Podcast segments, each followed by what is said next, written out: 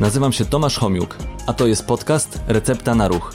Podcast, w którym wraz z moimi gośćmi udowadniamy, że ruch jest lekiem i namawiamy do zażywania go w różnej postaci.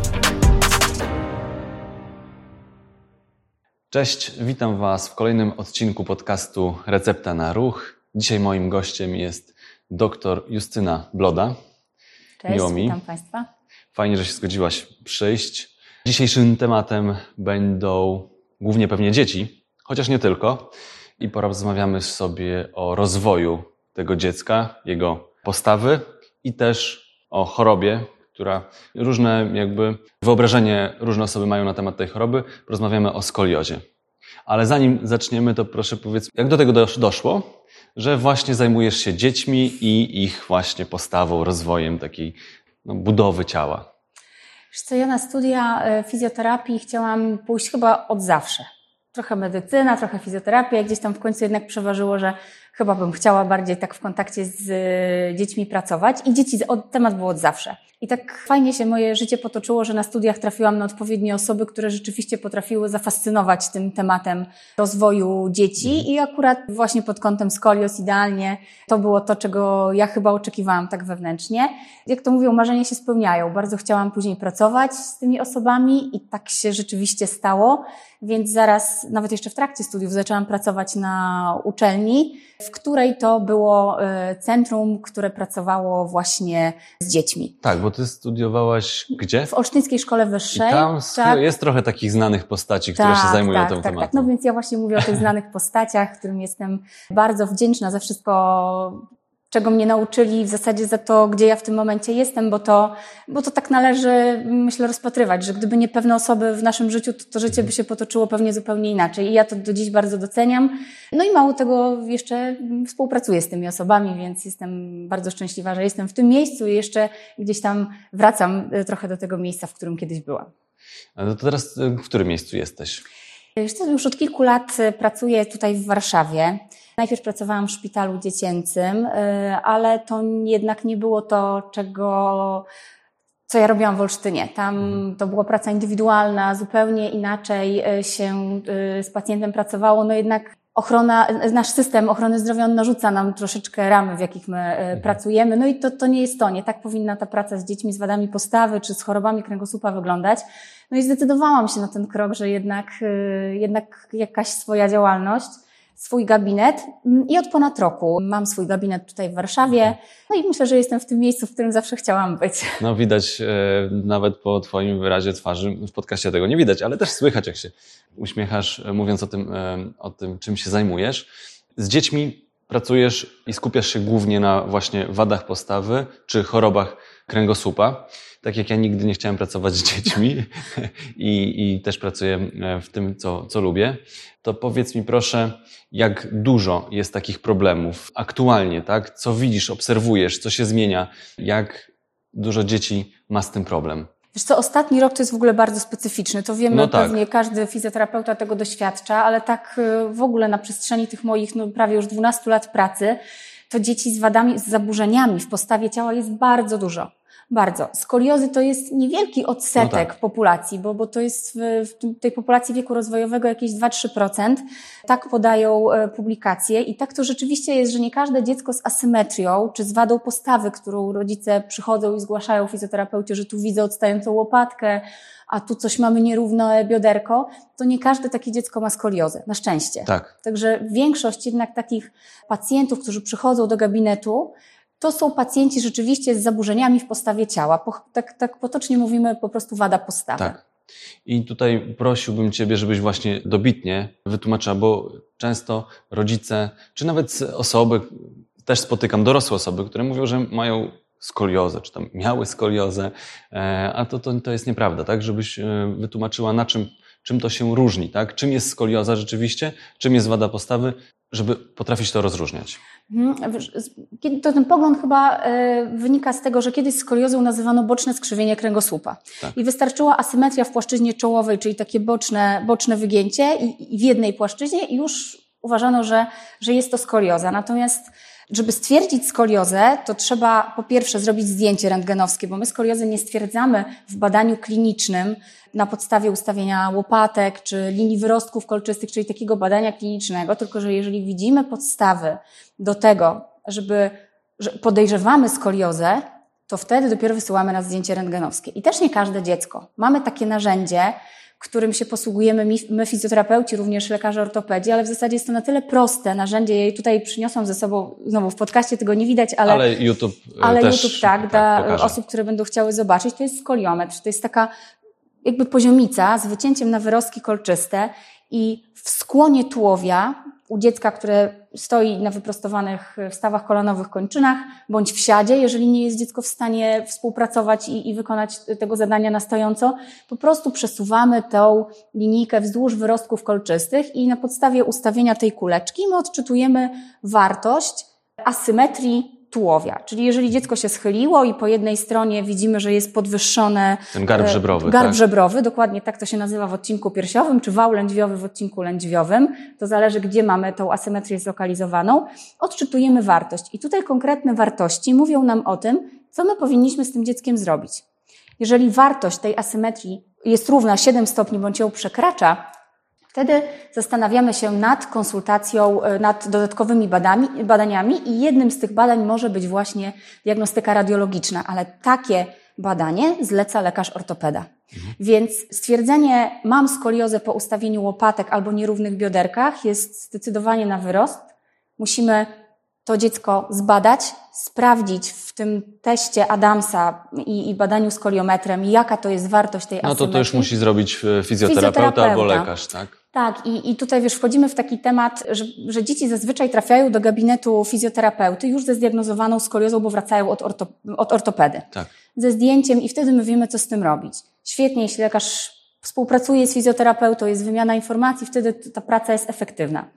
Natomiast w przypadku, kiedy mm, rodzic przychodzi i, i, po prostu chcemy tak kontrolnie zbadać postawę, bo coś tam mi się w tej postawie u mojego dziecka nie podoba, no to zdecydowanie wcześniej jesteśmy w stanie tą skoliozę bądź taką postawę, która ewentualnie. Ma tendencję do. Tendencję do, tak. właśnie do rozwoju skoliozy, możemy ją na takim wczesnym etapie wychwycić, bo mhm. trzeba wiedzieć, że skolioza nie rozwija się, ona się nie rozwija o tak. Ona może się pojawić w każdym okresie, czy dzieci, y, y, dzieciństwa, czy okresu dorastania, natomiast najczęściej pojawia się w okresach przyspieszonego wzrostu. Czyli jak się zaczyna intensywny skok wzrostowy y, u dzieci, wtedy ta skolioza się ujawnia, ale ona już wtedy jest widoczna, to znaczy, Aha. że rozwijała się dużo wcześniej. Jasne. Jaki, to jest, jaki to jest okres dokładnie? To u dziewcząt to jest taki okres od około 10-12 roku życia i tak też y, powinny być wychwytywane te dzieci, czyli dziewczynki w, po ukończeniu 10 roku życia, mhm. w 11 roku życia powinno się odbyć takie badanie, w, po ukończeniu 11 roku życia, czyli w 12 tak. i po ukończeniu 12, czyli w 13. Czyli trzy razy dziewczynkę należałoby zbadać w tym okresie intensywnego wzrostu, żeby mieć pewność, że nie rozwija się tam skolioza taka idiopatyczna, bo o nich mówimy, one występują najczęściej. Dobrze, użyłaś e, słowa, które nie każdy może e, rozumieć. Tak.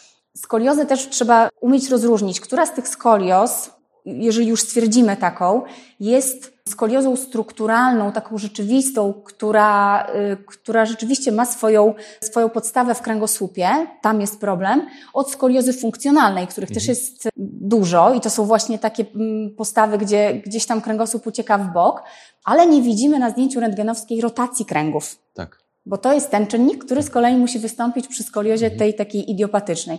A nazywa się ona idiopatyczna dlatego, że my nie do dziś nie znamy jej przyczyny. Przyczyn. Znaczy mówi się, że są, nie wiem, genetyczne jakieś uwarunkowania, tak? Tak, ale no nie ma jakiegoś e, konsensusu takiego, które e, jasno by określał, że to jest ta przyczyna. Raczej w tej chwili doniesienia wskazują, że te, ta przyczyna skoliozy jest taka wieloczynnikowa. Mhm. To proszę powiedz mi, Justyna, jak wy powinno wyglądać postępowanie, jeśli jest już diagnoza, to w jaki sposób prawidłowo poprowadzić e, ten rozwój dziecka, żeby uniknąć dalszej deformacji, czy może ją zatrzymać, czy poprawić jeszcze? Jak to powinno wyglądać? to taki sposób postępowania u dziecka e, ze skoliozą, to nie jest tak, że każdy sobie wymyśli, jak ja będę prowadziła pacjenta, tak, tylko on tak. jest jakoś w ramach określony przez e, Międzynarodowe Towarzystwo SOSORT, które mhm. zajmuje się leczeniem zachowawczym skolioz. Od, począwszy od diagnostyki powinno to wyglądać tak, że dziecko, które ma skoliozę większą niż rzeczywiście stwierdzoną strukturalną skoliozę na zdjęciu rentgenowskim, większą niż 10 stopni według KOBA, to też jest ważne, bo czasami przychodzą pacjenci i mówią, o mamy skoliozę, a tam jest 5 stopni, czyli mhm. taka, której w zasadzie no, nie ma. To tak. jest jakaś nieznaczna asymetria, z którą no, pewnie nic nie będziemy robić, więc ta wartość na zdjęciu rentgenowskim musi być większa niż 10 stopni. Teraz trafiając do fizjoterapeuty, rozpoczynamy postępowanie, które w zasadzie nam lekarz ortopeda ustala. I w skoliozach małych, niewielkich, takich 10-20 stopniowych, to jest zazwyczaj albo obserwacja, bo to też jest postępowanie tak. lecznicze, więc obserwujemy. Bardzo ważne. To, bardzo, wa bardzo ważne, jak ta skolioza się będzie rozwijała, czy się nie, jaki będzie jej przebieg, może tak. Bądź wprowadzamy specyficzną fizjoterapię. Co to znaczy specyficzną fizjoterapię? Pewnie zapytasz, bo. To jest pytanie na liście, tak. Tak, więc y, do dziś jeszcze y, niektórzy rodzice nie wiedzą, pierwszy raz się spotykają, jak, jak pytam, czy, czy kiedykolwiek ćwiczyli metodami specyficznymi. Więc specyficzna fizjoterapia to jest taka, która ma określone zasady, które dotyczą leczenia pacjentów z, y, ze skoliozą. I później może Czyli o nich... celowane konkretnie ćwiczenia, czy tam to postępowanie. Tak. Więc to jest prowadzenie właśnie pacjenta metodą specyficzną. Później, jeżeli czas na to pozwoli, to powiem dokładnie, jakie cechy powinna spełnić ta metoda, żeby też rodzice wiedzieli, jakich terapeutów szukać. Tak? Dokładnie, tak? to... To, to jest najważniejsze, jedno z najważniejszych informacji. Gdzie takich informacji szukać, kogo szukać, w jaki sposób weryfikować, bo to jest bardzo ważne, żeby nie, czegoś nie zaniedbać. Tak, no to jest często właśnie też pytanie rodziców, tak, że dlaczego my tak późno trafiliśmy. Ale to jakby wracając do Twojego pytania tego, y, jak prowadzić tego pacjenta dalej, no to, to no właśnie mamy ten wachlarz, czyli obserwujemy, albo wprowadzamy metodę specyficzną, albo jeśli wartość kątowa skrzywienia i wiek pacjenta, stopień dojrzałości kostnej, czyli wiele czynników, mhm. które o tym decydują, co my u danego pacjenta w danej chwili będziemy robić, mamy możliwość prowadzenia leczenia gorsetowego. Czyli nadal jest to leczenie zachowawcze, które ma udokumentowane w badaniach naukowych o wysokiej jakości, bo to też jest ważne, tak. żeby te badania miały odpowiednią e, wartość naukową, ma udokumentowane um, skuteczność, skuteczność działania. działania, że zatrzymuje skoliozę, tak? tak? Zapobiega progresji w wieku e, dojrzewania. To, e, to, to mamy trzecią, trzecią możliwość. No i jest kolejna możliwość już mówimy o skoliozach większych, takich, gdzie, e, gdzie to leczenie zachowawcze nie przyniosło efektu i przekroczy ona wartości 45-50 e, stopni, e, rozważamy leczenie operacyjne. Czyli to w zależności od tego, jakim, na jakim etapie dziecko do nas trafia.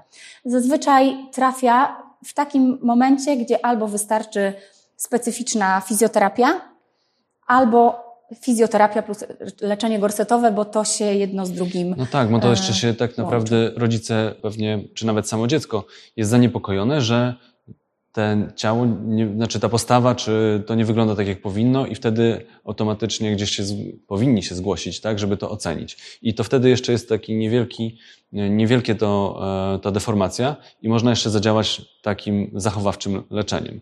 Operacyjne, no to pewnie częściej jest tak, że po prostu nie dało się powstrzymać albo złe metody były stosowane, tak?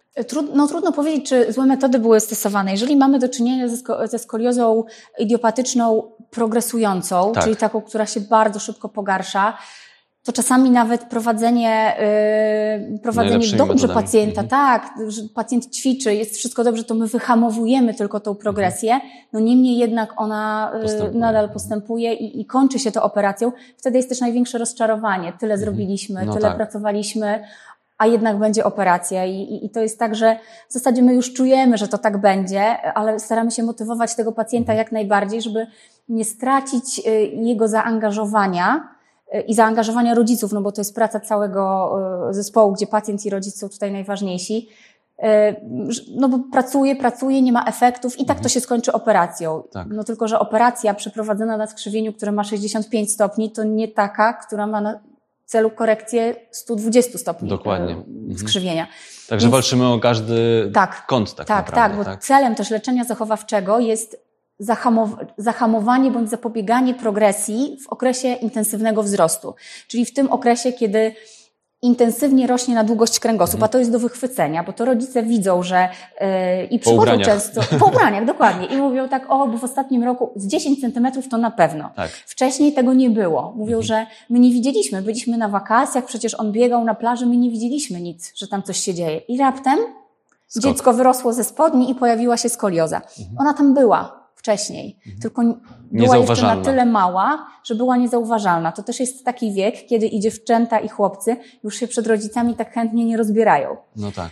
Y, Rodzice ich nie widzą w, w takiej plażowej wersji Mhm. i to najczęściej po wakacjach jest wysyp takiego, takich diagnoz, tak? Rozumiem. Że we wrześniu trafiają do ortopedy i październik, listopad to jest właśnie Już działanie. telefon, tak, Tak, tak. się urywa. Justyna, proszę powiedz mi, jakie problemy może stwarzać? Oczywiście to jest w zależności od tego, z jak dużą deformacją kręgosłupa mamy do czynienia, ale jakie najczęściej problemy dla Twoich pacjentów mm, stwarza ta choroba? Co, dzieci z małymi skrzywieniami, takimi nieprzekraczającymi 20 stopni, to czasami w ogóle tego nie No widzą i w ogóle nie czują ograniczeń żadnych w funkcjonowaniu. E, Takim problemem rzeczywiście to są skoliozy, które przekraczają 40 stopni i, i, i tam już możemy mówić o zaburzeniach toru oddychania, możemy mówić o zmniejszeniu pojemności, ruchomości klatki piersiowej, więc odczuwają te osoby większe zmęczenie podczas wysiłku. Mm, Przy dużych skoliozach, takich powyżej 80 stopni, to już są zaburzenia tak duże, strukturalne w obrębie klatki piersiowej, że tam nawet w trakcie wysiłku gdzieś może dochodzić do duszności. Ból kręgosłupa jest też takim tematem bardzo powszechnym, ym, ale też przy małych skoliozach on jest tak samo odczuwany u dzieci bez skoliozy i ze skoliozą. Tutaj nie ma jakiejś zależności. Bardziej myślę, że jest to kwestia ym, zaburzeń y, w ogóle naszego trybu życia. Za dużo siedzimy, za du- teraz dzieci siedzą, to, to co się w tej chwili dzieje, to jest nagminne, że boli kręgosłup, ale zarówno te dzieci ze skoliozą, jak i bez skoliozy. I znowu przy większych skoliozach i, i szczególnie kiedy już mamy zakończony wzrost kostny, czy u dorosłych e, osób, te bóle raczej mają taki charakter przeciążeniowy. Z powodu takiego zmęczeniowego napięcia struktur mięśniowo-powięziowych, więc to jest raczej kwestia nie samej skoliozy, a po prostu przeciążenia. Oczywiście osoby ze skoliozą mają dodatkowe predyspozycje. Niemniej jednak nie jest to tak, że te osoby ze skoliozą boli, a tych bez skoliozy nie boli. No, ale chyba najważniejszy, uważam, że problem e, dzieci i dorosłych kobiet ze skoliozą, bo takich też mam sporo, jest samoocena i samopoczucie psychiczne.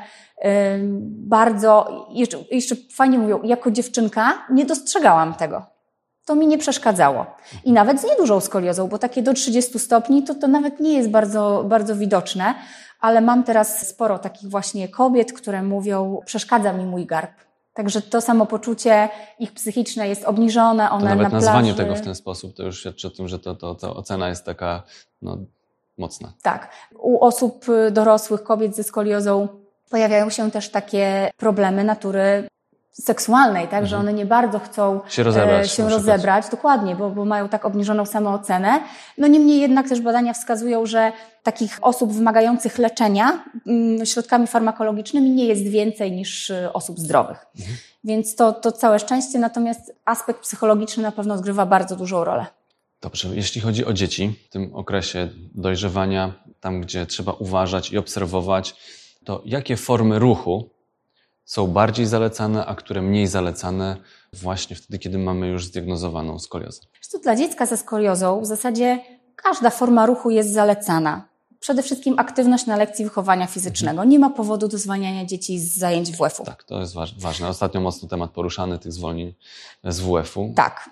Y, Plaga zwolnień właściwie, a tutaj jest bardzo mało sytuacji, kiedy dziecko powinno być zwolnione z lekcji wychowania fizycznego. Tak, nawet jeśli dziecko nosi gorset, nie ma przeciwwskazań do tego, żeby ono uczestniczyło w zajęciach wychowania Trochę fizycznego. bardziej zmo- może zmodyfikować coś trzeba, ale Zdecydowanie. Czasami spotykam się z tym, że dziewczynki, które chodzą w gorsecie na zajęcia, e, chodziły na, na lekcje WF-u, mają po prostu zalecone, to teraz zrób te ćwiczenia, które ci zaleca fizjoterapeuta. Aha. Jeżeli grupa w tym czasie na przykład wykonuje skok przez skrzynię. jasne. Z pewnych aktywności można dziecko zwolnić, decyduje oczywiście o tym lekarz ortopeda i można z pewnych form aktywności zwolnić. Natomiast bardzo ważną rzeczą jest podejmowanie aktywności przez dzieci ze skoliozą, których, które mają w swojej naturze zwiększanie ruchomości kręgosłupa. I teraz mówię tutaj o na przykład o gimnastyce artystycznej, mhm. jakaś akrobatyka tak. sportowa. Dlaczego? Dlatego, że często u dzieci, głównie dziewcząt, bo skolioza głównie dotyczy dziewcząt, występuje taka właściwość, którą my nazywamy wiotkością stawową albo hipermobilnością stawową. Tak. Dzieci są takie bardzo elastyczne. Mhm. Sprawdzamy to bardzo prostym testem i to też fizjoterapeuta podczas wizyty powinien ocenić. Y, mm, absolutnie przy badaniu dziecka ze skoliozą powinno badanie wiotkości stawowej mieć miejsce, bo na tej podstawie właśnie określamy przeciwwskazania co do różnych form y, aktywności. Dwa, inaczej dobieramy też troszeczkę ćwiczenia. I teraz takie dzieci z wiotkością, a wiotkość i skolioza bardzo, bardzo często ze sobą e, współistnieją, nie polecamy właśnie takich aktywności, które zwiększają ruchomość kręgosłupa. Balet nie, raczej nie yoga, ale to dlatego, że Badania też wskazują, że u dzieci, które mają wypłaszczoną kifozę piersiową, czyli ten fragment między łopatkami kręgosłupa, tak. jeżeli tam jest płasko, nie ma tej mm, fizjologicznej krzywizny piersiowej, ta skolioza częściej progresuje. Więc mamy takie y, doniesienia i powinniśmy na tej podstawie tą aktywność dzieciom ograniczać. Natomiast pozostałe sporty, nawet asymetryczne, tenis, mhm. nie, ma, nie mamy dowodów wystarczających naukowych, że tenis jest przyczyną skoliozy. Zresztą w ogóle, no tak jak obserwu- nawet u osób tańczących w balecie, częstość występowania skoliozy jest dużo większa niż y, w populacji, mhm. czy u pływaków No właśnie, u pływaków, bo widziałem badanie, że też u pływaków częściej występuje. Nie wiem, z czego to może wynikać. Nie wiem, czy zagłębiałaś się w ten temat bardziej. Yy, wiesz co? No bo często zalecamy przy jakichś no różnych właśnie. problemach postawą, zalecamy pływanie, tak? tak? A tutaj przejrzałem trochę i e, znalazłem badanie, które pokazuje, że u pływaków częściej występuje skolioza. Tak asymetrię, tam, tam chyba tak, bo no, pewnie tak, mówimy, tak. O, myślę o, o, tym samym badaniu. Rzeczywiście ono jest stare i to, to badanie wskazuje, że rzeczywiście częściej u tych osób występuje asymetria i, i, i właśnie e, A wydaje się, że to symetryczny sport. Tak, ale i teraz, wiesz, trzeba by się było zastanowić dlaczego. Nie znamy etiologii skoliozy i, i raczej aktywność sportowa nie jest czynnikiem, która, która skoliozę powoduje. Tak, tak, przynajmniej w najnowszym y, konsensusie Towarzystwa SOSORT nie ma takich dowodów, a to powinno być dla nas takim źródłem takiej rzetelnej wiedzy naukowej. Więc takiego związku nie ma. I teraz pytanie, skąd u tych pływaków tyle skolios? No może właśnie dlatego, że skoro pływanie jest takim remedium na każdą wadę postawy i na skoliozę, no to wysyłamy... A, częściej takie osoby. Tak. Nie wiem, ale, ale jest to może jakaś hipoteza, y, bo rzeczywiście też często do dziś się tak zdarza, że mhm. pan y, doktor zalecił nam pływanie. Oczywiście. No i teraz świetnie, pływajcie, bo to jest super, super aktywność. Tylko trzeba zdawać sobie sprawę, że żadna z aktywności sportowych, nawet pływanie, zalecone przez ortopedę trzy razy w tygodniu, nie, nie wyleczy skoliozy. Oczywiście. Bo tu właśnie potrzebne są te metody specyficzne. I tutaj właśnie mam to następne pytanie. Odnośnie tak, tych specyficznych. To na czym polegają te specyficzne ćwiczenia stosowane w skoliozie? Żeby metoda była uznana za specyficzną dla skolios, ona musi spełnić dwa kryteria. Przede wszystkim musi mieć udokumentowaną na gruncie, tak jak powiedziałam, bardzo rzetelnych badań naukowych skuteczność w leczeniu dzieci i dorosłych ze skoliozą, czyli zmniejszenie kąta Koba bądź stabilizacja skoliozy, poprawa parametrów krążeniowo-oddechowych i, i takich y, jakości życia, samopoczucia, więc to, to są czynniki, które ona musi spełnić. I teraz dowody na działanie tej metody powinny być opublikowane w takim piśmie Scoliosis and Spinal Disorders, które jest dostępne w internecie i możemy sobie tam te wyniki przeczytać. Więc one powinny być zebrane, skuteczność udowodniona, opublikowana. Teraz tych metod specyficznych jest kilka. Bardzo popularną metodą jest metoda FITS, to tak. jest polska metoda. I jest bardzo wielu terapeutów tej metody. Oczywiście ukończenie kursu nie oznacza, że terapeuta jest już super Gotowy, specjalistą, tak. tylko gotowym właśnie, bo powinien też mieć doświadczenie w posługiwaniu mhm. się tą metodą. I to jest jedna z metod. Druga e, metoda, bardzo e, taka uważam przystępna, również dzieci fajnie się w niej czują, to jest włoska metoda SIAS. Kursy również są prowadzone w Polsce i tych terapeutów też już jest coraz więcej. Czy choćby metoda barcelońska, i tutaj już może terapeutów jest troszeczkę mniej, kursy od niedawna odbywają się w Polsce, ale mm, czy metoda Szrot, Też bardzo popularna metoda Dobosiewicz, druga polska. Też, też nawet widziałem badania, e, takie jakieś metaanalizy, które były brane pod uwagę i też e, tą metoda, ta, ta metoda była w tych badaniach ujęta. Tak, no, no jest to właśnie jedna z metod specyficznych i też y, łatwość posługiwania się tymi metodami zależy no, od tego, jak długo ja się już y, tą metodą posługuję Tak. i, i, i co, co tam mogę pacjentowi zaproponować. W czym się lepiej czuję, bo też terapeuta, który ukończy kurs czasami powie, fajna, ale nie dla mnie, tak? Ja się nie czuję Mhm. w tej metodzie dobrze. Dobrze jest, jak ma inną, którą może A e, Z ciekawości, zastąpić. jaką e, metodą prowadzisz swoich pacjentów? Od y, bardzo dawna metodą FITS, później skończyłam metodę SIAS, a w ubiegłym roku metodę y, barcelońską, BSPTS.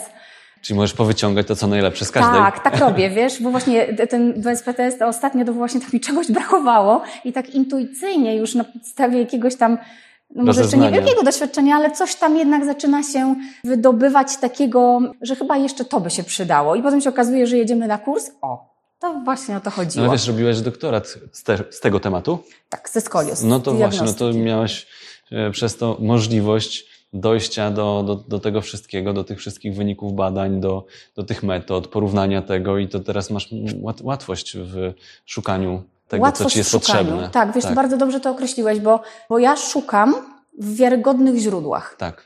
I te wiarygodne źródła dla mnie, no to niestety nie są takie publikacje w popularno-naukowych czasopismach, aczkolwiek zdarzają się tam bardzo wartościowe prace właśnie takich osób, o których mówiłeś, tak? Że, że, że są takie znane nazwiska Tak. w Polsce i, i, i wcale nie trudno je znaleźć. I poszukać publikacji tych osób w bardzo prosty, naprawdę czytelny sposób, nawet dla rodzica. Jest to do przeczytania, do odnalezienia praktyczna fizjoterapia i rehabilitacja. Jest takie pismo, tam się od czasu do czasu pojawiają takie artykuły w języku polskim. Natomiast rzeczywiście to, to internetowe źródło y, Scoliosis and Spinal Disorders jest y, no, gigantycznym źródłem Mhm. wiedzy, bo tam są też publikowane abstrakty z konferencji naukowych, więc y, wystarczy no, choćby tłumacz, tak, jeżeli ktoś nie, nie posługuje się językiem angielskim, co pewnie już jest teraz mniej powszechne, no to, to po prostu może No sobie... tak, tutaj, ale myślę, że to raczej e, my fizjoterapeuci powinniśmy tak szukać bardziej, a rodzice raczej powinni się z, jakby skupić na tym, żeby znaleźć odpowiednią osobę, która już te, przeszu- te szukanie zrobiła za, Tak. za nich, tak? Tak, no to o to zdecydowanie. chodzi. To wszelkie wątpliwości uważam, że tutaj nie ma co szukać y, informacji na stronach, na forach internetowych. Nie, to najgorsze. To jest najgorsze, aczkolwiek wiesz, oni czasami trafiają do odpowiednich terapeutów przez, tą, y, przez te fora. A, no polecenia, tak, sobie terapeutów, polecają, y, oczywiście no pewnie polecają różnych, tak, w zależności Mhm. kto do kogo trafił i co do niego trafiło w trakcie tej wizyty, bo ja sobie zdaję sprawę, że czasami to, co ja powiem jest nie bardzo wygodne, ani dla, i, i dla rodzica, i, dla, dla pacjenta. dziecka, tak. Bo oni oczekiwali zupełnie czegoś innego, a tutaj pani raptem przyszła i powiedziała, że basen to ich nie wyleczy i tutaj trzeba ćwiczyć takie ćwiczenia, ćwiczenia które męczą. Mhm. No. No i, i teraz nie bardzo mi pasuje to, co pani, albo że A uważam, że trzeba, że... że gorset włączyć. Tak? Albo właśnie. I to jest też duży problem. Albo przychodzą w gorsecie i że, że, żeby to jeszcze wyprostować. No ale pani mówi, że to się nie da wyprostować i, i ja domyślam się, nie czytam tych, tych forum, ale myślę, że tam pewnie, pewnie na moją osobę też się znajdą różne opinie. Natomiast no, jeżeli ja jestem pewna, że to, co przekazuję pacjentowi jest rzetelnie oparte w badaniach naukowych i to, to ja wiem, że, że nie zrobiłam nikomu krzywdy, nawet jeśli nie spodoba mu się to, co ja do niego powiedziałam. Ale rzeczywiście każdą wątpliwość, wydaje mi się, rodzic powinien rozwiać na wizycie u terapeuty, który posługuje się metodą specyficzną, bo Mhm. pójście do jakiegokolwiek terapeuty nie załatwi sprawy. tak. Bo może się okazać, że wyrośnie, że Aha. jeszcze wyrośnie, obserwujmy, wyrośnie. Natomiast pewne symptomy, które mogą mm, być czynnikiem takim prognozującym, że ta skolioza Można będzie się wyłapać. pogarszać, można nam wyłapać, ale to powinien być terapeuta, który rzeczywiście jakieś doświadczenie tak. w tych metodach specyficznych już ma. Ta jedna wizyta, nawet jeżeli ona będzie tylko pierwszą i ostatnią wizytą dla rozwiania wątpliwości, myślę, że powinna się odbyć. Mhm. To, to wszystko bardzo ważne, tak, żeby trafić do odpowiedniej osoby w odpowiednim czasie, no bo to daje szansę na zmniejszenie tych negatywnych skutków, które, które niesie ze sobą rozwój tej, tej deformacji. Ale jeszcze oprócz samych metod specyficznych, tego jak się pracuje e, z pacjentami, to z pacjentem ile czasu spędzasz e, w ciągu, nie wiem, tygodnia, tak? Z jednym pacjentem. Wiesz co, zazwyczaj pacjenci e, przychodzą raz w tygodniu. Mhm. U mnie wizyta trwa godzinę. No to właśnie, godzina raz w tygodniu. Mamy jeszcze kilkadziesiąt godzin, kilkaset godzin nawet w ciągu tygodnia, gdzie na to też musi być jakoś poukładane, tak? Jakie zalecenia dajesz tym pacjentom czy tam rodzicom? Jakie nawyki, tak? No, no wiemy doskonale, że, że siedzenie, przebywanie w tych pozycjach statycznych, długotrwałe, bez ruch, to wszystko nie jest korzystne. Ale jakie takie nawyki Twoim zdaniem są ważne tym właśnie poza tą Twoją jedną godziną, którą spędzasz, no pewnie też przekazujesz, jakie ćwiczenia powinno się wykonywać, uczysz pewnie rodziców, jak z dzieckiem pracować, czy, czy samych dzieci, w zależności od tego, w jakim są wieku. Co takiego poza tą wizytą w gabinecie jeszcze ważne? Wizyta w gabinecie jest po to, żeby dziecko nauczyło się ćwiczeń. Jeżeli tak. jest potrzeba mojej pracy manualnej, bo występują jakieś restrykcje, które czyli, czyli ograniczenia, które mhm. uniemożliwiają dziecku wykonanie ruchu korekcyjnego, to, to jest właśnie ta wizyta po to, żebym ja to opracowała, tak. ułatwiła dziecku wykonanie ruchu. Ta wizyta jest przede wszystkim po to, żebym ja wprowadziła edukację dziecka i rodzica, po co wy w zasadzie ćwiczycie. Mhm. Dlaczego wykonujesz ruch kręgosłupem w tę stronę, a nie w przeciwną. Tak. I dlaczego ty musisz pilnować, żeby nie zrobiło się to i tamto. Teraz takie dziecko, które w zasadzie słucha, co pani do niego y, mówi, ono rozumie, dlaczego ono wykonuje ćwiczenia. Mhm. Bo najgorzej jest, ma, powinieneś robić to, to i tamto i dziecko robi te ćwiczenia i mówi już. Mhm. Zrobione. I nie wiadomo po co ono robi. To jest też cecha metody specyficznej. Edukacja pacjenta to i właściwie rodziców. każdej powinna być e, przy tak. każdej pracy z pacjentem, żeby powiedzieć mu co, po co się robi, w jakim tak, celu. Co powinieneś tak, czuć, tak, tak, tak. Skup się, poczuj, co się dzieje z twoim ciałem, co się dzieje z kręgosłupem. To, to, więc to, to jest ta wizyta. Na tej wizycie uczymy się ćwiczenia. Rodzic jest obecny podczas każdej wizyty a przynajmniej powinien być. Zdarzają się rodzice, którzy muszą w danej chwili tam coś innego załatwić, ale nie jednak proszę, żeby rodzic był e, podczas wizyty, bo on musi obserwować zaangażowanie dziecka i to, jak, w jaki sposób ma kontrolować mm, wykonanie ćwiczeń w domu, żeby one były jakościowo zbliżone przynajmniej do tego, co robimy w gabinecie. Dziecko wykonuje ćwiczenia na początku terapii codziennie w domu. Czyli 5-6 mhm. ćwiczeń, w zależności od tego, jaki jest ułożony program, na jakim etapie leczenia jesteśmy, dostaje ten zestaw ćwiczeń do domu i w domu go wykonuje pod kontrolą rodziców. Kolejna wizyta, jeśli jest za tydzień, kontrolujemy wykonanie tych ćwiczeń, czy jeszcze musimy coś poprawić, czy, czy wszystko jest w porządku. Jeżeli jest ok, no albo zwiększamy liczbę powtórzeń, po prostu możemy rozwinąć się w tym zestawie, które dziecko zostało. Natomiast jeżeli są jakieś błędy do poprawienia, to jest właśnie ten moment mhm. na kolejnej wizycie. Jeżeli dzieci chodzą w systemie troszkę rzadziej, czyli raz na dwa tygodnie, tutaj schemat wygląda bardzo podobnie. Raz na miesiąc Tutaj się już wydłuża ten, y, ten okres i to są takie dzieci, które już przeszły ten etap, że chodziły raz w tygodniu. Aha. Czyli po prostu zmniejszamy są, częstotliwość No bo już sobie wyrobiły ten nawyk, tak? No, może trochę. nawet nie tyle wyrobiły nawyk, co już y, wiem, że ćwiczenia wykonują systematycznie, wiem, że robią je dobrze i wiem, że rodzic współpracuje, y, stan kliniczny jest stabilny bądź się poprawia. Mhm. Nie ma potrzeby, żeby dziecko było i nie ma potrzeby mojej pracy ręcznej nie musi być raz w tygodniu Jasne. E, w gabinecie. To jest też czas dla tych dzieci, mhm. tak? Często muszą opuścić jakieś zajęcia e, szkolne, no, nawet mimo tej nauki online. Ale e, staram się nie przyciągać tych dzieci częściej niż potrzeba. Jasne. Jeżeli jest potrzeba, chodzimy raz w tygodniu, mhm. ale dziecko też musi widzieć, widzieć cel, że ono, no bo praca ze skoliozą to jest kilka lat. To bardzo ważne, żeby to podkreślić, tak? bo się czasami komuś może wydawać i to, to, to, też te niewygodne informacje, które przekazujemy pacjentom, że to się nie da tak e, raz, dwa zrobić, tylko to jest te kilka lat. Tak, że to, to jest okres czasu bliżej nieprzewidziany. Bo często ludzie pytają, ile to potrwa? Jak, jak musimy się nastawić na to? Mhm. Trudno powiedzieć, bo okres y, wzrastania, no, mniej więcej wiemy, do którego roku życia on będzie przebiegał, natomiast my nie wiemy, jak się będzie zachowywała skolioza w tym, tak w tym okresie. Ale musimy to pilnować do okresu wzrastania, to, to trzeba sobie jasno do zakończenia wyrazić. okresu wzrastania, tak. tak. No, mamy ten moment u dziewczynek, że kiedy pojawia się pierwsza miesiączka, to to tempo wzrastania ono spowalnia i ryzyko progresji już wtedy stopniowo się zmniejsza. Mhm. Więc ten moment, kiedy zaczyna intensywnie rosnąć kręgosłup na długość, to jest zaraz po tym, jak właśnie wyrośniemy mhm. ze spodni, tak. bo wtedy rosną kości długie i potem zaczyna się intensywny wzrost kręgosłupa. Wtedy najczęściej skolioza ma tendencję do progresji. Mhm. I jeżeli przebrniemy przez ten etap intensywnego skoku wzrostowego, kiedy nasz wzrost kostny, szkielet zostanie już, ta dojrzałość szkieletowa zostanie osiągnięta, wtedy możemy już powiedzieć dziecku, już nie musisz ćwiczyć codziennie. Ćwicz dwa, trzy razy w tygodniu. Nie, codziennie, codziennie.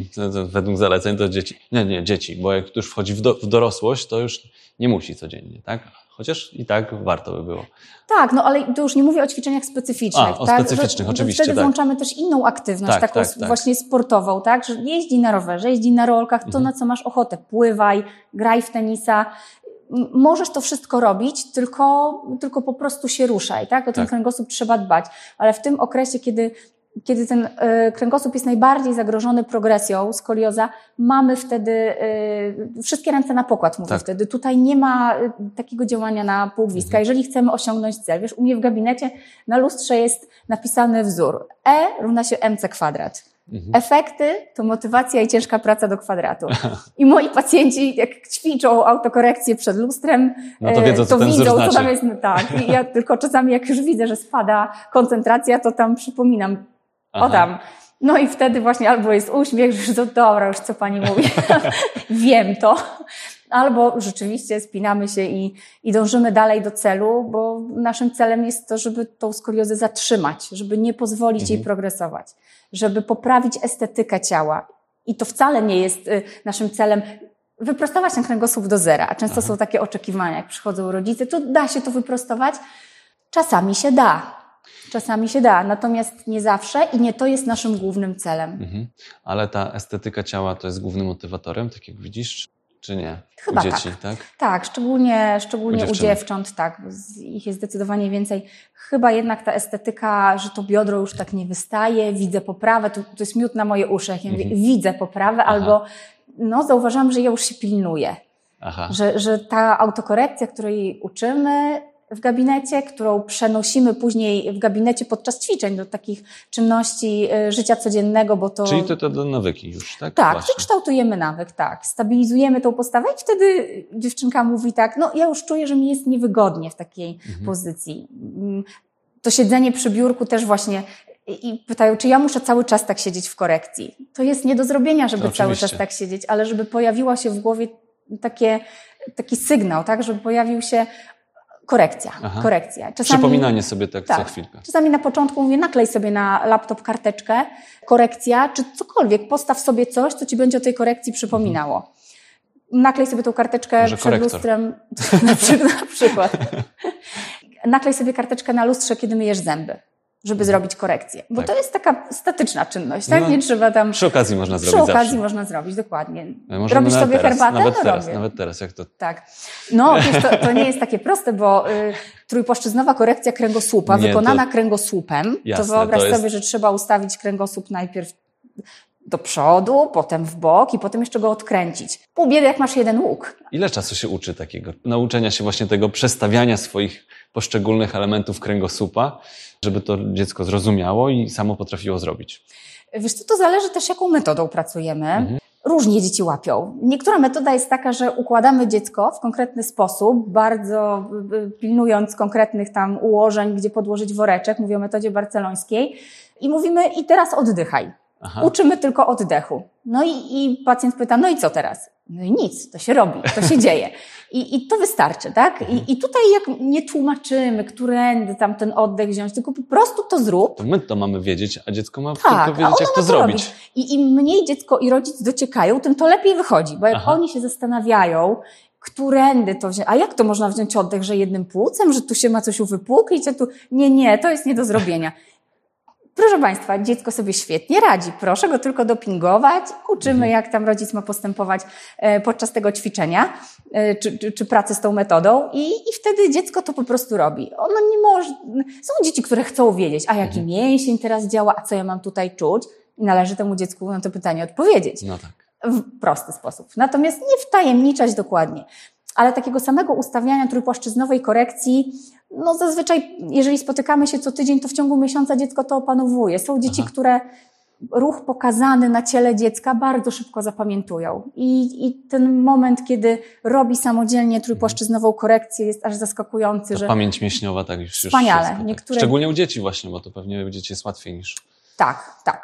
Zdecydowanie. No, u dorosłych też ze skoliozą jest problem już z ograniczeniem ruchomości. Tam Mhm. ta skolioza nie jest taka plastyczna, No tak. no bo już mamy wzrost kostny zakończony, tkanki są też już w pewnym takim nawykowym napięciu i, Mhm. i tam jest dużo pracy. Także tutaj z tą, z tą nauką autokorekcji jest dużo gorzej u dorosłych. Więcej to wymaga pracy, dzieci łapią zdecydowanie szybciej. Tak jak się uczą szybciej dzieci. A z czego im zazdroszczę? no ja tak samo. Proszę, Justyna, powiedz mi o gorsetowaniu chciałem, tak żebyś krótko powiedziała tylko, co jest ważne, że nie można, tak jak e, rozmawialiśmy jeszcze przed nagraniem, że ktoś zaproponował, że można sobie gorset odstawić, tak? Żebyśmy to podkreślili, e, właściwie powie, powiesz sama, jak, jak to powinno wyglądać. Jeśli już jest wprowadzony gorset, bo jest taka potrzeba, to jak, jak, jak, jak to leczenie wygląda? Jeżeli y, ortopeda prowadzący, bardzo ważna sprawa, specjalizujący się w leczeniu deformacji kręgosłupa, to, mhm. to należy z całą mocą podkreślić, że to nie może być ortopeda, który jest świetny w leczeniu kolana. Tak ma być ortopeda, który zajmuje się deformacjami kręgosłupa. Jeżeli ortopeda taki gorset zleci, on określi też częstość noszenia tego gorsetu, czyli jak długo w ciągu doby. Może być to gorset w pełnym wymiarze, czyli 22-3 godziny na dobę. Może być to gorset noszony tylko na przykład po szkole albo tylko na noc. Mhm. Więc no, ten czas zależy od y, tego, jak duże jest skrzywienie, jak e, wiek, wiek tak. dziecka i jakie są jeszcze inne czynniki predysponujące Dokładnie. do progresji. Więc to, to zaleca ortopeda. Do leczenia gorsetowego włączamy fizjoterapię. Ona jest niezbędna, dlatego że tutaj musimy przygotować dziecko do, do włożenia gorsetu. My często zwiększamy mobilność kręgosłupa, żeby, żeby ten gorset jeszcze lepiej mógł zadziałać. Czasami ćwiczymy w gorsecie, na przykład y, gorset ma takie y, miejsca, w których wywołuje nacisk na ciało tak. i są miejsca, które są puste, tam są takie dziury w gorsecie, tak. więc tam oczekujemy, że to ciałko nam się uwypukli. To są te wklęsłości, które my chcemy otworzyć. No i wtedy gorset jest świetny do nauki oddechu, czyli mhm. tam, gdzie są te dziurki, bierzemy oddech i oczekujemy tak. uwypuklenia. Też dzieci bardzo lubią oddychać w gorsecie, bo nie można wziąć oddechu tam, gdzie gorset trzyma, Aha. więc łatwiej im, to, y, łatwiej im to zrobić. Często zdejmujemy gorset do ćwiczeń, potem go znowu nakładamy. Więc to leczenie e, gorsetowe musi być uzupełnione specyficzną, specyficzną fizjoterapią. Dużo ćwiczeń aerobowych w gorsecie też, żeby poprawić mhm. tą ruchomość klatki piersiowej. I w zasadzie kluczem jest tutaj noszenie gorsetu. Nie, nie odkładanie gorsetu, bo się najadłam. Okej, okay, na chwilkę można tam rozpiąć. To mam właśnie wczoraj, miałam taką pacjentkę, która, my zdejmujemy tylko gorset, jak Asia się naje. Więc wtedy luzujemy te rzepy i on wtedy przez chwilę nie działa. A później nie ma problemu, ona w nim śpi, wykonuje wszystkie czynności, ale wtedy, kiedy się naje, gorset musimy rozpiąć. No i w porządku, to jest akceptowalne. Natomiast gorset, y, ciało się dopasuje do gorsetu. On nie jest, umówmy się, super wygodny, jeżeli no, jest to gorset nie. sztywny, bo taki powinien Taka być skorupa. zalecony, tak, ale ciało się do niego dostosuje i, i pewne takie, taki dyskomfort, który dziecko odczuwa, on z czasem zanika. Mhm. Też gorsetu się nie wkłada od razu na 24 godziny, no tak. tylko stopniowo się do mhm. niego przyzwyczaja, potem się go właśnie zakłada na noc. Więc to jest wszystko indywidualnie dobrane do pacjenta, ale to kluczem do leczenia gorsetowego jest akceptacja terapii przez dziecko i rodzica. Mhm. Jeżeli rodzice y, i dziecko wiedzą, że gorset jest to pewien etap leczenia, bez którego będzie gorzej, albo nie uzyskamy stabilizacji, albo B, albo no po prostu Zostanie operacja będzie przykład, tak. tak, duże ryzyko operacji, to, to jeżeli rodzice nie przyjmą i dziecko tego, że to jest jedyny sposób i akceptujemy go tak, będziemy ćwiczyć, będziemy nosić, to to leczenie nie będzie miało e, sensu. sensu. E, dzieci protestują, unikają noszenia gorsetu, nawet były próby w takich czujników montowania w, w gorsecie. Badanie takie? Znaczy były montowane, no, nawet pewnie są pacjentom.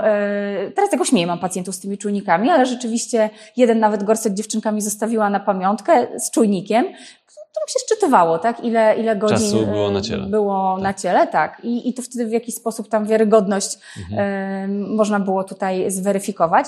Natomiast y, no, jeśli dziecko akceptuje, nosi, y, widać też, bo to widać, jak przychodzi dziecko na kontrolę i zdejmuje gorset, że, że to ciało się poprawia. Estetyka mhm. tam, gdzie powinno być wcięcie, gorset je robi, to po zdjęciu gorsetu widzimy, że rzeczywiście ten gorset jest noszony. Mhm.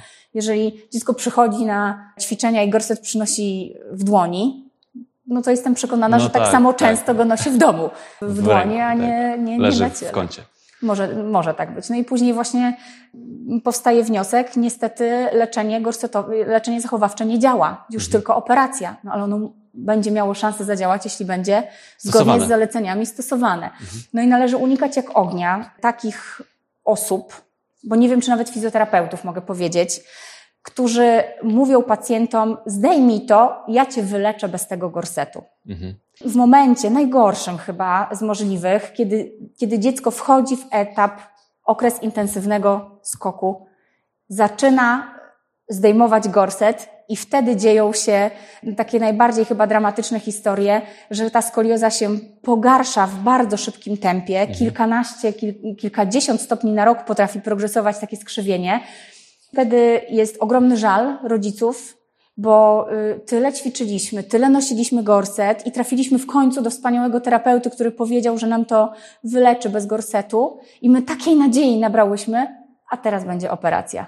I rodzice sobie wyrzucają tam bardzo dużo później z takich trudnych sytuacji, mm, że, że trudno się z tym rodzicem dogadać, oferując znowu coś, że musicie z powrotem wrócić do fizjoterapii specyficznej, żeby was przygotować do tej operacji. Mhm. Bo przed operacją fizjoterapia też, y, też jest konieczna. Tak. No, oby takich sytuacji nie było. Jak najrzadziej były spotykane, żeby ich nie było tak. To na pewno. Wiesz co, muszę Ci przerwać, bo Tak. muszę Ci powiedzieć o tym, co y, robiliśmy przez, y, i Tobie i Państwu przede wszystkim, przez kilka ostatnich lat. Mianowicie w Polsce nie ma niestety systemu badań przesiewowych pod kątem wykrywania skolios. Mhm. Są bilanse zdrowia i w zasadzie tam powinny być wychwytywane te dzieci, bo to jest masowe. Tak.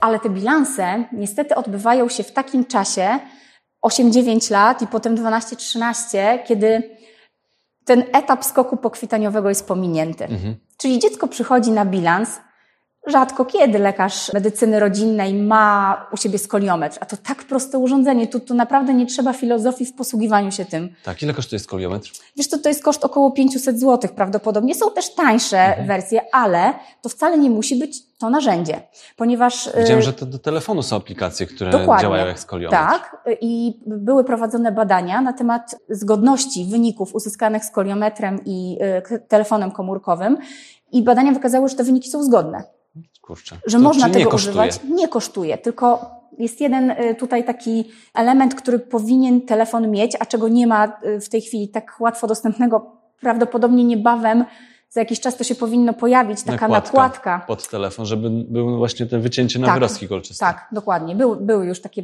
y, pomysły, żeby taką nakładkę. Ona y, gdzieś za granicą jest dostępna, natomiast no, to pewnie. W formie obudowy do telefonu po prostu pewnie. Tak, no taki startup może gdzieś y, ktoś taką obudowę by zaprojektował. Nie będę podsuwała pomysłów, ale rzeczywiście można to zrobić telefonem komórkowym ze specjalną nakładką. Te wyniki są zgodne. Wtedy nie potrzeba skoliometru. Ale, no ale umówmy się, że jeżeli to jest narzędzie mojej pracy, no to i raczej ciężko to zepsuć. No więc y, raz na jakiś cz- czas po prostu można y, sobie zrobić taki prezent i go mieć. Ja się z tym w zasadzie prawie nie rozstaję. Ja to mam w torebce, a nuż się gdzieś na jakimś spotkaniu trafi dziecko, które można zbadać, więc ja skoliometr noszę cały czas ze sobą. To y, narzędzie w rękach osoby, nawet studenta fizjoterapii, bo też takie badania były prowadzone, że lekarz ortopeda, fizjoterapeuta i student fizjoterapii takie same wyniki No uzyskują. bo umówmy się, nie jest to skomplikowane No, badanie. W ogóle. Dlatego interpretacja jest istotna, ale Tak. ona też jest jasno określona przez SOSOR. Mhm. Co należy robić przy konkretnych wartościach. Ważne, żeby po prostu w odpowiednim momencie przyłożyć ten skoliometr. Tak, tak, dziecko wykonuje skłon w przód i, i ustawienie skoliometru powinno być równoległe do podłogi. Chodzi Czyli- mi w momencie, czyli żeby nie przegapić A, właśnie... mówisz o skoku y, tym o, y, tak, o tym skoku. Wiesz, to tak. I to jest właśnie y, to, o czym mówiłam, że przy badaniach bilansowych ten etap jest pominięty i dziecko takie 8-9-letnie, które przychodzi na bilans, nic nie widać, wszystko dobrze. A później już przy I później drugim... przychodzi 13 lat i o, i jest wtedy skolioza i, i, i co dalej i wtedy trzeba szybko działać, bo to jest ten moment, kiedy my już tak w zasadzie, Ciężko. no właśnie, to, że zmniejszone jest ryzyko progresji, to jest jedno, ale też mniej można z tym kręgosłupem zrobić. Mhm. To, to tak dwie strony medalu trzeba na to spojrzeć. My w, właśnie z tymi y, y, osobami, o, o których e, wspomniałeś, ze specjalistami wieloma z całej Polski, byliśmy powołani przez y, Komitet Rehabilitacji Kultury Fizycznej i Integracji Społecznej Polskiej Akademii Nauk. Został powołany taki zespół zadaniowy do spraw diagnostyki i leczenia zachowawczego skoliozy idiopatycznej. Aha. I my przez ponad 4 lata pracowaliśmy nad opracowaniem standardu takiego badania przesiewowego, jak ono powinno wyglądać, kiedy ono powinno być przeprowadzone, kogo należy badać, w jakim czasie właśnie dziewczęta, chłopców troszkę później, bo ten skok pokwitaniowy u nich się później zaczyna, zaczyna i chłopców też badamy tylko dwa razy, więc to też jest ważne w, po ukończeniu 12 roku życia po, czyli w 13 i po, po ukończeniu 14 lat, czyli w 15 roku życia. To u chłopców wystarczy. Tak wskazują publikacje naukowe, na podstawie których my te wytyczne mm, opracowaliśmy. No i kolejna ważna sprawa, kto powinien to robić. Mhm. Bo żeby badanie jeszcze jedna było... ważna, kto powinien za to płacić. to, to jeszcze inna kwestia. Natomiast wiesz, porównując koszty badań przesiewowych i leczenia Nie, no jasne. skoliozy, to są nieporównywalne koszty. Tylko jest wiele takich w polskiej medycynie obszarów, gdzie można by było to zrobić dokładnie. dużo taniej. Tak? Du, dużo taniej, ale też wiesz, jest problem właśnie, kto to powinien zrobić, bo w rozumieniu ustawy o ochronie e, zdrowia mamy, o działalności leczniczej, przepraszam, mamy taki e, zapis, który obowiązuje w naszym systemie ochrony zdrowia, że to badanie przesiewowe jako świadczenie medyczne powinno być wykonane przez osobę, która reprezentuje zawód medyczny. Aha, Więc musi być to fizjoterapeuta, pielęgniarka bądź lekarz. lekarz. Tak. No i teraz, jaki lekarz ma na to czas, żeby Nie, no przebadać jasne. taką dużą grupę dzieci? Fizjoterapeuci również, aczkolwiek już nasza grupa zawodowa jest większa. Pielęgniarka szkolna byłaby super w, Tak. w szkole, tak? Odpowiednio przeszkolona, tak, bo to musi być wystandaryzowany protokół tego badania, więc y, pielęgniarka. No i jest jeszcze cała rzesza, co Są jeszcze pielęgniarki szkolne jeszcze w szkołach? Nie wiem. No właśnie. E, Wiesz, to prawdopodobnie są, nie wiem, czy są tak na, na co dzień, jak, jak e, kiedyś Mhm. było, ale mm, i mamy inne osoby w szkole, które mogłyby to Nauczyciel. robić. Nauczyciel wychowania fizycznego. Tylko nie jest to zawód medyczny. Nawet, i tutaj też posługiwaliśmy się e, opinią prawną, czy, czy może to wykonać e, nauczyciel wychowania fizycznego ze specjalnością z gimnastyki korekcyjnej. Mhm. Bo tacy nauczyciele po studiach Idealnie podyplomowych mają takie kompetencje, bo w Tak. programie nauczania, ja prowadziłam zajęcia z takimi osobami, bardzo duży nacisk się kładło na to, żeby przygotować ich właśnie do takiej przesiewowej diagnostyki. Pierwszy rzut, tak? Tak. Że, że nie są pewni, co to dokładnie jest, Ale już wys- ale wysłać, wiedzą, skierować. do kogo wysłać. Tak. Także mają tą podstawę, że to nie może być jakiś tam pierwszy, lepszy z brzegu terapeuta, Mhm. który odstawi gorset w najmniej mm, dobrym momencie, tylko właśnie, żeby, y, żeby wysłać to do odpowiednich osób i, i co kierować, bo też nie każdą asymetrię my będziemy leczyć. Mhm. My nie jesteśmy symetryczni i nie musimy Tak. być symetryczni. Więc y, asymetria taka na skoliometrze, która wykazuje wartość około 3 stopni, ona nie jest nawet y, wskazaniem do powtórnego badania. Jeżeli mamy 4-6 stopni, to jest taka wartość, która każe nam zbadać to dziecko ponownie za 3 do 6 miesięcy, w zależności od tego, czy to dziewczynka, czy chłopiec, czy mamy jeszcze jakieś inne czynniki, które nas na pierwszy rzut oka niepokoją u tego dziecka, czy wiotkość właśnie. Widzimy, że dziecko jest takie, że no ledwo się trzyma takie luźne, tak? Czy to właśnie wypłaszczona kifoza, czy bardzo wysokie dziecko, wysocy Mhm. rodzice. No to są takie czynniki, które nas tam sugerują nam, że to dziecko trzeba zbadać szybciej. No i dopiero takie dzieci, u których wartość kąta rotacji tułowia będzie równa lub większa 7 stopni, powinniśmy kierować Do na lekarza. dalszą diagnostykę. I to wcale nie musi być od razu zdjęcie rentgenowskie, bo może się okazać, że rzeczywiście jest to skolioza funkcjonalna, bo dziecko ma krótszą e, nogę i stąd ta rotacja e, w kręgosłupie. Także mamy takie narzędzie, jest opracowany schemat, on już nawet został e, wysłany e, do publikacji w e, ortopedii, traumatologii, rehabilitacji, więc już pierwsze te wytyczne będą dostępne. To jest też wartościowe dla rodziców, żeby, żeby to przeczytać i zobaczyć, jak proste może być badanie przesiewowe Mhm.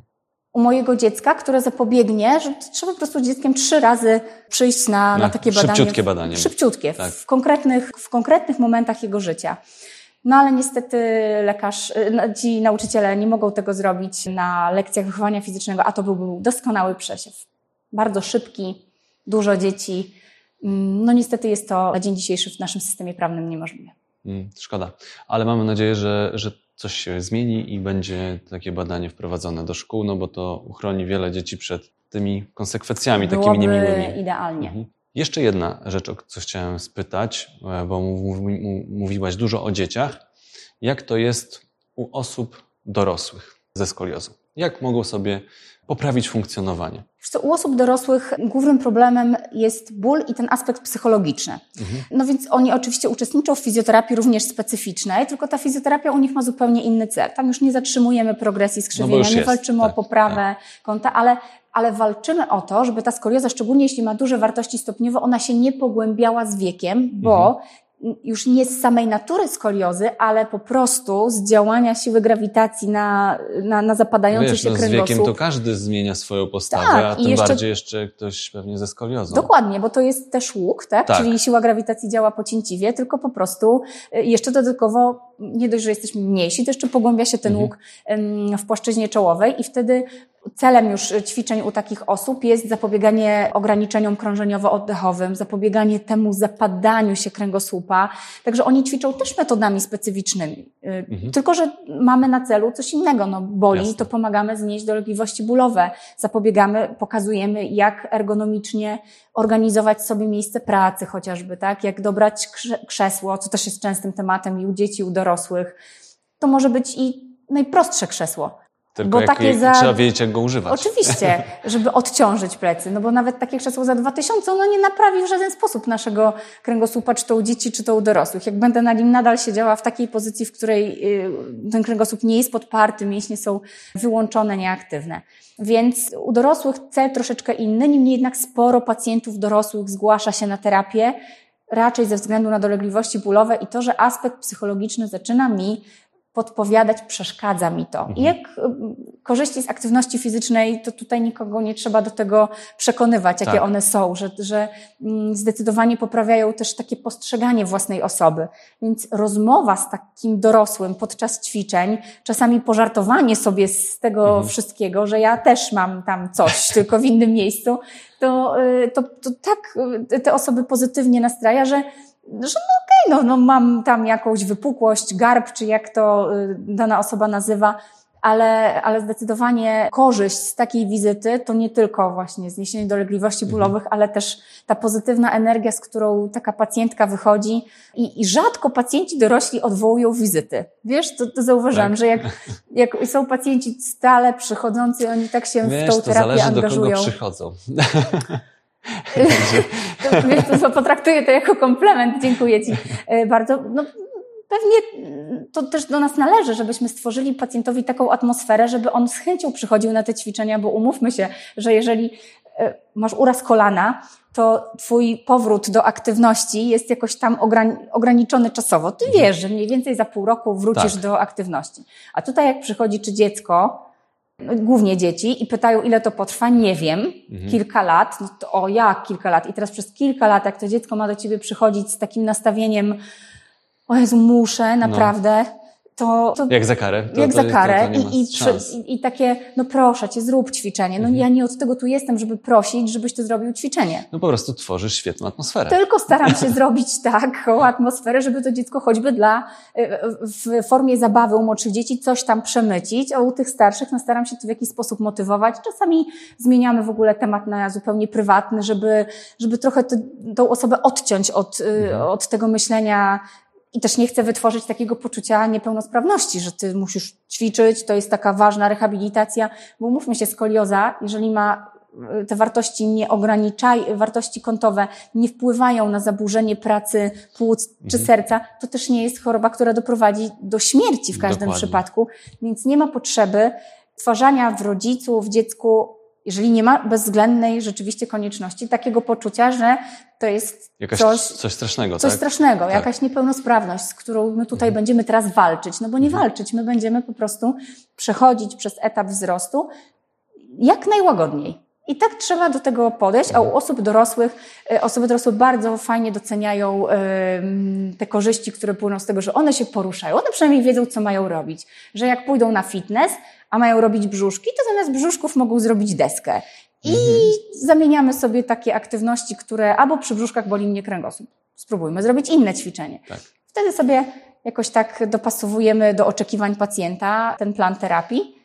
No i, i bardzo fajnie się pracuje z osobami dorosłymi. Kurczę, e, rozmawiam z Tobą jeszcze dłużej, ale to, to siodełko już po prostu nie wykończy. Więc zmierzając już do brzegu, to jeszcze jedno pytanie Ci zadam. Jaka jest Twoja recepta na ruch? W sensie, co Ty lubisz robić, jeśli chodzi o, o ruch, aktywność fizyczną? I co, co najczęściej zalecasz pacjentom? Ja pacjentom zalecam ćwiczenia, które No im to zalecam, więc, więc to są, ale, ale motywuję ich do wszelkiej formy aktywności, naprawdę nie zabraniam. No, no, Zdarzyło mi się rzeczywiście powiedzieć pacjentce, bardzo Cię proszę, przestań wisieć na tych szarfach. Bo to była gi- gimnastyczka, taka y, akrobatyka, to się Aha. nazywa artystyczna i ona z gigantycznym, y, taką lordotyzacją kręgosłupa pokazywała mi, co ona wyprawia na szafie. Przestań chodzić, proszę. No i był bunt, nie, nie, nie, że, że ona będzie chodzić i co by pani nie powiedziała, to będę chodzić. No więc pandemia przyszła i niestety nie mogła chodzić i całe szczęście, bo to jej- Oduczyła się szarf. y, Nie, ma w domu, wiesz, wiszą z sufitu, więc akurat to jest taki przypadek, ale rzeczywiście y, częstotliwość zmniejszona i, Mhm. i zdecydowanie skolioza w- się ustabilizowała. Natomiast sama ze sobą ja, ja dużo ruchu mam w pracy. Ja nie siedzę. Ja przy tych pacjentach się ciągle tak. poruszam, więc mnie to bardzo dużo aktywności e, już zastępuje. Natomiast uwielbiam Nordic Walking. Mhm. Lubię pływanie, no teraz jest to y, niemożliwe. Lubię biegać. Ja chyba lubię wsz- wszelkie formy aktywności. Lubię rolki, y, narty. Wszystkiego po trochę. To tak jak ja Tak, mam. Ja nie lubię... mam takiego, wiesz, sportu, który, w który tak jestem jeden. No. zapatrzona. W koszykówkę, wiesz, źle mi idzie, bo mój y, wzrost na to nie pozwala. W siatkówce też nie bardzo, ale generalnie sporty i drużynowe, i, i kiedyś piłka ręczna. Także ja byłam aktywna Mhm. Chyba zawsze. A teraz tak wszystkiego po trochu, ale zdecydowanie uwielbiam kijki, z czego czasami mój mąż się śmieje, że taka grupa 60 plus to jest idealna dla mnie, ale, Tak, no, ale to po prostu lubię. Moi pacjenci też często mówią, że kiki, no ale to taki, to nie jest sexy w ogóle, nie?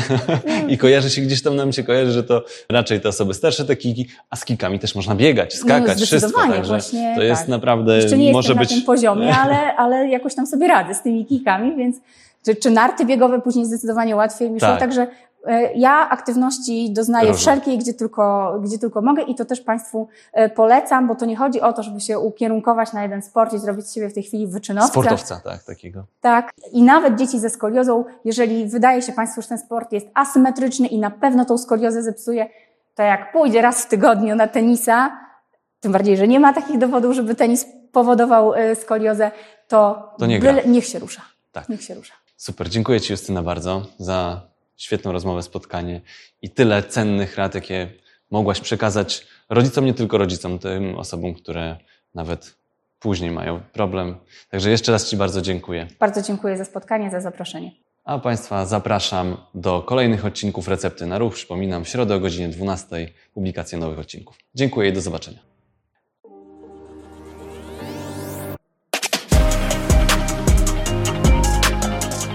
Dzięki, że byliście. Mam nadzieję, że zostaniecie tutaj na dłużej. Jeżeli chcecie być na bieżąco, zasubskrybujcie kanał Recepta na Ruch.